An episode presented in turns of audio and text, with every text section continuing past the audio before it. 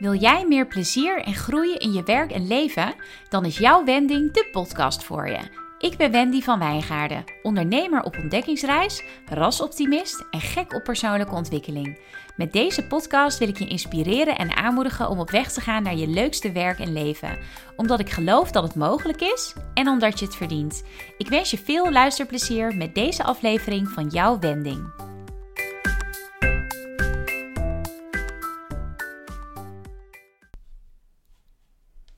Hey, dit is aflevering 16 van jouw wending en het is misschien wel de slechtst voorbereide aflevering tot nu toe. En ik ben er trots op. Nu al. um, waar komt dit vandaan? En misschien heb je de titel al gezien en denk je, ja, ik vind het best wel cryptisch. Wat ik je gun. Hoezo? Wat gun je mij dan? Uh, ik ga het je vertellen. Ik mocht net namelijk meedoen aan een schrijfflow oefening. Volgens mij noemden ze het zo. Uh, van Dinja Brand. Dinja heeft zelf trouwens ook een podcast. Die heet Brand Lost. En ze... Nou, oké, tuurlijk. Ik ga zitten. Irem, wil je ook wat vertellen? Ja, ja, dat heb je met een kat. Zeker met eentje die zo graag aandacht wil als deze. Uh, Irem bemoeit zich er ook een beetje mee. Anyway, Dinja heeft zelf ook een podcast. Brand Los heet hij. En Dinja is een onwijs goede copywriter die jou helpt om jouw eigen taal en je eigen verhaal, om dat meer naar buiten te laten komen in alle, nou ja, al je copy, alle dingen die je schrijft. Dus tekst op je website, in je social media. Zal het zelfs over een out-of-office reply, uh, dat je ook daar echt je eigen draai aan kunt geven. Nou, super tof. De oefening die we deden met Dinja was dat zij de vraag stelde: wat gun jij jouw mensen? En met jouw mensen bedoelt ze dan eventueel, het, het, kunnen je klanten zijn, maar zij bedoelt het meer als je tribe. Dus het is meer dan alleen je klanten. En toen gingen we de oefening doen waarbij we de zin moesten afmaken. Ik gun mijn klanten of mijn mensen vanuit mijn tenen, puntje, puntje, puntje. En ik weet niet wat er gebeurde, maar die vraag die deed echt iets met me. Toen ik ging nadenken over wat ik jou gun, er kwamen zoveel dingen bij me op en ik, ik kreeg tranen in mijn ogen en ik werd, helemaal, ik werd er helemaal wild van. helemaal fired up, omdat ik dacht, oh, ik, ik gun dit echt. Ik word nu weer emotioneel als ik, als ik aan denk. Ik gun het je echt. Dit is wat ik je gun. En daarom deze podcastaflevering waarin ik jou ga vertellen wat ik je gun. Ik hou het nog lekker uh, spannend, hè? Je denkt, waar gaat het naartoe? En om het goed te kunnen uitleggen, neem ik je mee naar Wendy van zeven jaar geleden ongeveer. En de Wendy van zeven jaar geleden had een relatie met een ontzettend lieve, leuke, knappe man. Woonde in een prachtig huis in een Phoenixwijk. Had een prima baan, leuke vriendinnen, gezellige familie. Voor de buitenwereld had die Wendy gewoon een fantastisch leven. Maar dat was niet hoe ik me voelde. Want ik voelde me best wel eenzaam. Ik had het gevoel dat ik vast zat in dat leven. Ik had het gevoel dat, dat alles tegenwerkte. Dat ik een bepaalde kant op probeerde te gaan en dat het niet lukte. Ik had het gevoel dat ik tegen de stroom inzwom. En ik had een heel groot deel van de tijd een enorme knoop in mijn maag. Ah, je hoort het, het raakt me nog steeds. Als ik terugga naar die tijd, dan, dan kan ik kan dat gevoel weer zo terughalen. En het was zo ontzettend rot. En dat is precies waar deze podcast over gaat. En dat is eigenlijk waar mijn hele bedrijf over gaat. Namelijk dat gevoel van vastzitten en dat je heel diep van binnen weet: dit is niet hoe het leven zou moeten zijn. Dit is niet hoe mijn leven zou moeten zijn. Het moet echt anders kunnen. Het, ik geloof dat het, dat het leuker mag zijn. Ik geloof dat ik meer plezier mag hebben. Ik geloof dat ik meer voldoening mag halen uit mijn leven. Maar niet weten hoe je het aan moet pakken. Niet weten waar je moet beginnen. En dat was toen, dat gaf me zo'n moedeloos gevoel. En dat maakte me verdrietig. Ik heb in die tijd echt heel veel avonden huilend op de bank gezeten. En ik, ik, ik, ik kan dat, dat gevoel dus nog heel goed terughalen, maar ik kan mezelf nu niet meer voorstellen dat ik, dat ik dat gevoel nu zou hebben, omdat mijn leven nu zo, zo anders is als het toen was. Maar ik, ik, voelde, ik voelde me echt wanhopig. Ik wist dat het anders moest. En ik wist ook dat ik daarvoor hele drastische stappen moest gaan zetten. Maar het was doodeng. En het voelde echt. Het voelde, ja, een knoop in mijn maag. Ik kan het niet anders beschrijven. Gewoon een constant aanwezig gevoel dat er dingen echt niet goed zitten in je leven. En dat je weet dat het anders moet en dat je het anders verdient. Maar dat je ook weet dat het heel erg moeilijk wordt en eng wordt. En spannend en uitdagend om het anders te gaan doen.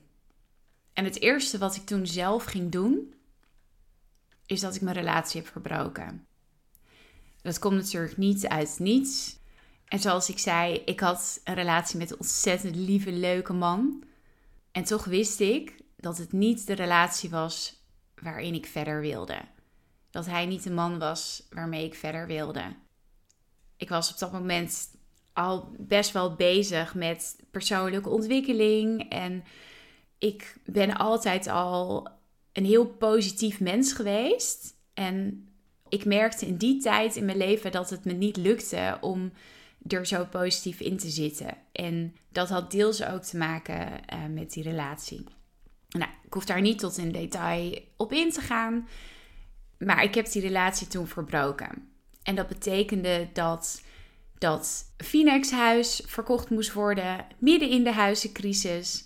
Dat betekende dat ik aan mijn ouders moest gaan vertellen, die op dat moment al behoorlijk wat ja, vervelend nieuws hadden gekregen vanuit de familie en ook binnen ons gezin. Eh, dat, ik ze moest, dat ik daar nog een schepje bovenop moest doen. Om ze, en ze moest vertellen dat ik mijn relatie had verbroken. Dat betekende dat ik een leven alleen moest gaan, gaan maken. En dat ik in een eigen huis ging wonen. En nou ja, mijn, mijn leven als, als single invulling moest gaan geven. En dat was iets wat ik doodeng vond. En tegelijkertijd keek ik er naar uit. En ik had gewoon geen idee hoe het zou gaan lopen. En het heeft ook best even geduurd voordat ik daar wat meer mijn draai in heb gevonden. Ja, vervolgens, dat was dus de eerste stap die ik had gezet. Nou ja, na een tijdje, na ongeveer een jaar, was het huis verkocht. We hadden daar een flinke restschuld aan overgehouden. Dus ik was druk bezig om dat af te betalen. Ik woonde in een heel fijn uh, klein studiootje in Utrecht. En ik probeerde alles een plekje te geven wat er in de afgelopen tijd gebeurd was. Ik stortte me helemaal in mijn werk. Alleen dat werk was op dat moment een baan die helemaal niet goed bij me paste. En waar ik helemaal geen voldoening uit haalde. En toch ging ik er vol in. Ik werkte veel te lange dagen. Er waren dagen dat ik, nou ja, weken dat ik gewoon een paar dagen in de week tot half negen s'avonds op kantoor zat.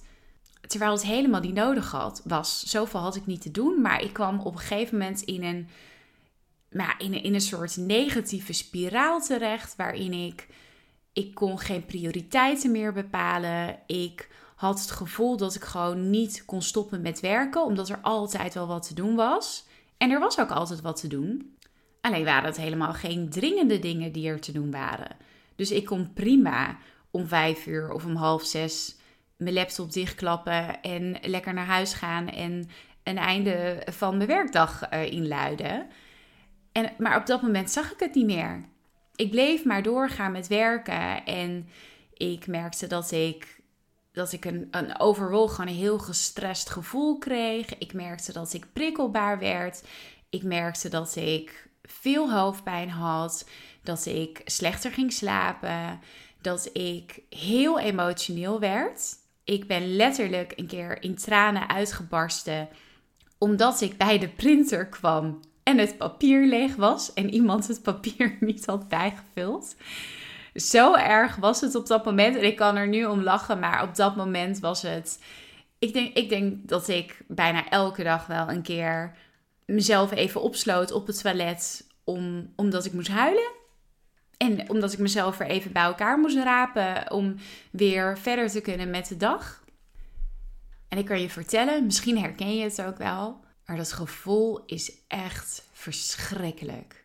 Het is echt verschrikkelijk als je zo je dagen door moet komen. Als je merkt dat je s'avonds thuis dat je je werk niet meer los kunt laten. Als je merkt dat je. Nou, ik begon. Ik ging echt. Ik liet echt steken vallen. Ik begon dingen te vergeten. En aan de ene kant vergat ik dingen. Vergat ik om dingen te doen. En aan de andere kant vergat ik ook dat ik bepaalde dingen al had gedaan, waardoor ik het dubbel deed. Dan stuurde ik iemand een mail en dan kreeg ik daarna een reactie: Hoi, dit had je me gisteren ook al gemaild. Dus ik wist het al. En ik kon me gewoon niet meer herinneren dat ik die mail al had gestuurd. Vind je het gek dat ik het zo druk had? ik was totaal niet meer efficiënt aan het werk in ieder geval. Maar ik was vooral.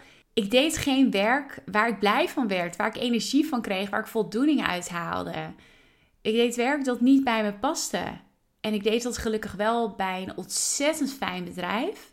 Alleen de inhoud van de werkzaamheden, het, het hoorde niet bij mij. Het was, ik, op dat moment deed ik veel secretarieel en administratief werk. En het had wel. Er zaten ook HR-werkzaamheden in en ook een stukje recruitment ondersteuning. Dus dat paste wel beter bij me.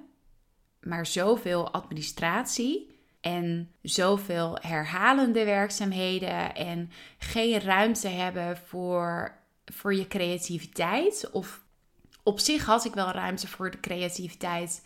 Alleen ik denk dat, dat die er niet uitkwam omdat ik gewoon met de verkeerde dingen bezig was. Ja, toen kreeg ik weer dat gevoel. Weet je, dan, dan ben je net uit de, een beetje uit het dal aan het krabbelen van een verbroken relatie en al het verdriet en de uitdagingen die dat met zich meebrengt. En dan val je er weer in, omdat je je helemaal hebt gestort op een baan die niet bij je past en waar je niet gelukkig van wordt. Ja, dat leidde er uiteindelijk toe, die combinatie van dingen, dat ik overspannen raakte. En zo heb ik ook een tijdje thuis gezeten. Ik heb gelukkig best wel goede begeleiding gekregen vanuit mijn werk. En ik had ook een coach uh, die me in die tijd heeft geholpen. En zo heb ik mezelf stapje voor stapje weer bij elkaar geraapt. En dat was in eerste instantie dat ik weer, nou ja, dat, dat, dat ik weer aan het werk kon. Dat heeft nou ja, het, van, van de dag dat ik muziek meldde tot en met de dag dat ik weer 100% beter gemeld was, heeft exact op de dag af een half jaar geduurd. Dus het was best wel een traject. Toen ben ik in eerste instantie weer terug aan het werk gegaan in diezelfde baan. En daarvan had ik al heel snel in de gaten. En dat, dat zag mijn werkgever ook. Dus we, we zaten al in dat traject van ja, dit is niet het werk wat je moet blijven doen. Want dan gaat dit weer gebeuren. Dus toen kon ik gelukkig de stap gaan maken naar het werken echt als recruiter. Dus veel van het, van het secretariële werk en de ondersteunende werkzaamheden mocht ik loslaten. En ik mocht fulltime als recruiter gaan werken. En dat paste veel beter bij me. Dat merkte ik al heel snel. Ik zei toen, toen ze vroegen of, ik, of dat me wat leek, toen heb ik onbewust de, de uitspraak eh, van Pipi Lankhuis. Ik heb het nog nooit gedaan, dus ik denk dat ik het kan. Heb ik onbewust gebruikt. Ik, ik kende die uitspraak toen nog niet. Maar het, het klopte wel bij die uh, situatie. Dat ik dacht, ja, ja, waarom zou ik dit eigenlijk niet kunnen? Ja, en ik denk ook dat ik het wel leuk vind. Nou, het is gebleken. Ik kan het. Ik vind het leuk. En ik merkte dat ik daar zoveel meer van mezelf in kwijt kan. Doordat ik veel contact had met allerlei verschillende mensen, namelijk met heel veel kandidaten. Uh, dat ik zag dat die kandidaten uiteindelijk in dienst kwamen en dat die heel erg blij waren met wat ze deden. Dus ik zag hun ook helemaal opbloeien. Ja, dat gaf me zoveel voldoening. En nog steeds, nog, nog steeds alle, alle mensen die ik bij die werkgever ja, heb bemiddeld, zeg maar, heb geholpen naar die nieuwe baan toe. Ik vind het nog steeds zo leuk om ze te volgen en om te zien hoe goed ze op hun plek zitten en hoe blij ze worden van wat ze doen. Ja, dat is, dat is, dat is echt fantastisch. Dat, ik ben zo blij dat ik dat ik dat heb gevonden, dat dat iets is wat bij me past. En iets anders wat ik in die tijd ook heb geleerd, was om echt te kiezen voor mezelf. Om de verwachtingen van, van mijn omgeving, van de maatschappij, het hele hoe het hoort, om dat los te laten. En om echt te durven luisteren naar wat ik het allerliefste wilde doen. En dat geldt zowel voor mijn privéleven. Dus dat betekende dat ik een relatie verbrak die voor de buitenwereld perfect was. En waar ik ook echt wel kritiek op heb gekregen vanuit mijn omgeving. Omdat heel veel mensen het niet begrepen. En echt dachten dat ik gek was geworden. En vonden dat ik te veel eisend ben. En dat ik altijd maar meer wil. En dat het nooit goed genoeg is voor me. Ja, om daar mee om te gaan met die kritiek. En bij jezelf te blijven. En te blijven vertrouwen dat ondanks al die reacties, dat het echt de goede keuze is. Maar inmiddels ben ik zeven jaar verder en sta ik ook echt achter die keuze. Hoe moeilijk het destijds ook was. Ik weet dat het echt de juiste keuze was. Ik had op dat moment niks anders of niks. Ik had geen betere keuze kunnen maken op dat moment. Dus het heeft me echt geholpen om toen naar mijn gevoel te luisteren. Nou, dat is iets wat ik, wat ik de afgelopen jaren geleerd heb. Ik heb ook geleerd om ah, wat egoïstischer te zijn. Dat hangt daar ook wel mee samen natuurlijk. Dat je minder aantrekken van, van hoe het hoort en wat mensen van je verwachten en meer naar jezelf luisteren. En egoïstisch is natuurlijk geen leuk woord. Niemand wil egoïstisch genoemd worden. En misschien is het ook niet de juiste beschrijving ervoor. Maar wat ik ermee bedoel is ja, dat ik echt voor mezelf durf te kiezen. En dat betekent dat andere mensen soms niet blij zijn met me.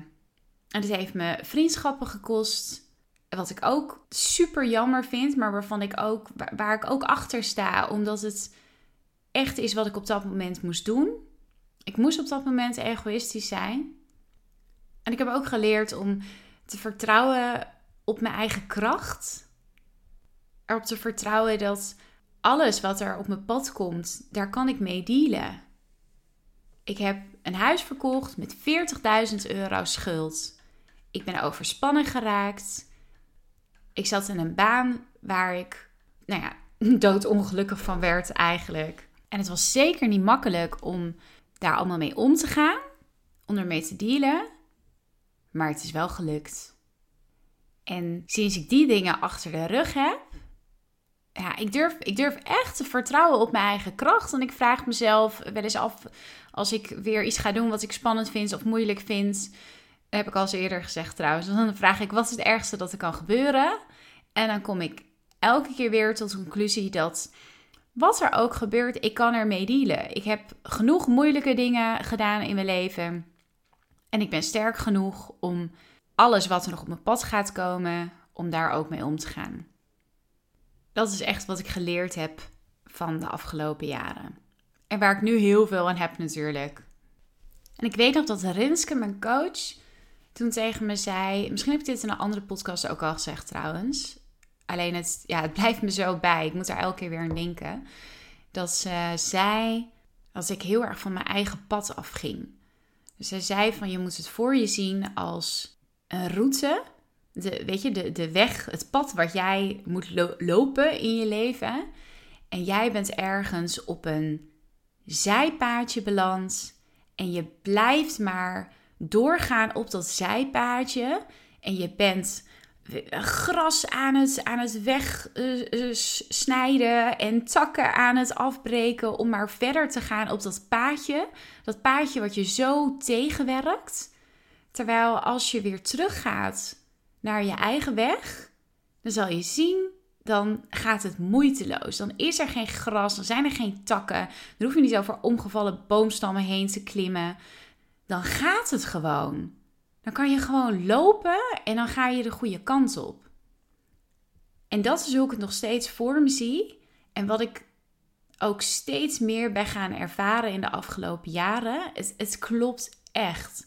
Als je op het juiste pad zit. En dat, dat klinkt heel zweverig, maar ik kan het niet zo goed. Ik weet niet zo goed hoe ik het anders moet, moet beschrijven. Maar je kunt het echt. Zie het gewoon voor je als, als een paadje, een paadje in een, in een bos. Als jij op het goede pad zit, dan kun je gewoon makkelijk lopen. Dan gaat het moeiteloos. En als je daarvan afwijkt en je, je begint, ja, wat ik zeg, over omgevallen boomstammen heen te klimmen en door plassen heen. En dat is niet moeiteloos. En ik heb allebei de kanten heb ik ervaren en nu zit ik echt, zit ik gewoon op mijn weg, op mijn pad. En dat is wat ik jou gun. Echt vanuit het allerdiepste van mijn hart is dat wat ik jou gun. Dat je niet meer die knoop in je maag voelt. Dat je niet meer het gevoel hebt dat je tegen de stroom inzwemt. Dat je niet meer laat tegenhouden door de verwachtingen van je omgeving en door hoe het hoort in het leven. En dat je echt je hart durft te volgen en dat je gelooft dat je, dat je het verdient om gelukkig te zijn en om plezier te hebben en om te groeien. Dat je dat echt voelt van binnen en dat je daar ook keuzes naar durft te maken, omdat je weet dat je het verdient. Dat is wat ik je gun. Ik ben benieuwd wat je ervan vindt. Of dit iets met je doet, of het iets in je raakt. Of jij dit jezelf al gunt. En zo niet, laat het me alsjeblieft ook weten. Want dan wil ik je echt heel graag helpen. Want jij verdient het ook om met de stroom mee te zwemmen. En te huppelen over een bospaadje. Je verdient het echt. Ik gun het je. En ik wil er heel graag mee helpen als je daar behoefte aan hebt. Je weet me te vinden. Mail naar wendy.jouwwending.nl Ga naar mijn website www.jouwwending.nl. Stuur me een DM op Instagram. Weet je, overal waar je zoekt op jouw wending vind je me. Echt laat het me weten als ik je kan helpen. Want het, het gaat me echt aan het hart. dat hoor je ook weer aan me. ik weet niet waarom ik zo'n crybaby ben vandaag. Maar het gaat me echt aan het hart. Als ik terugdenk aan de Wendy van zeven jaar geleden, hoe ik me voelde en de wetenschap dat er mensen zijn die zich nu zo voelen en die zo het gevoel hebben dat ze vastzitten, het raakt me zo diep.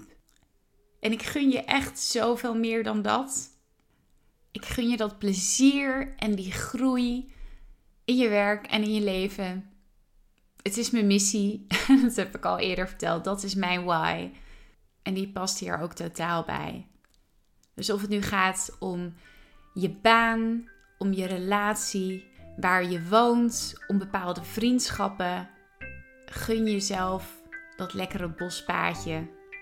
Gun het jezelf om met de stroom mee te zwemmen. Dankjewel voor het luisteren en tot de volgende keer.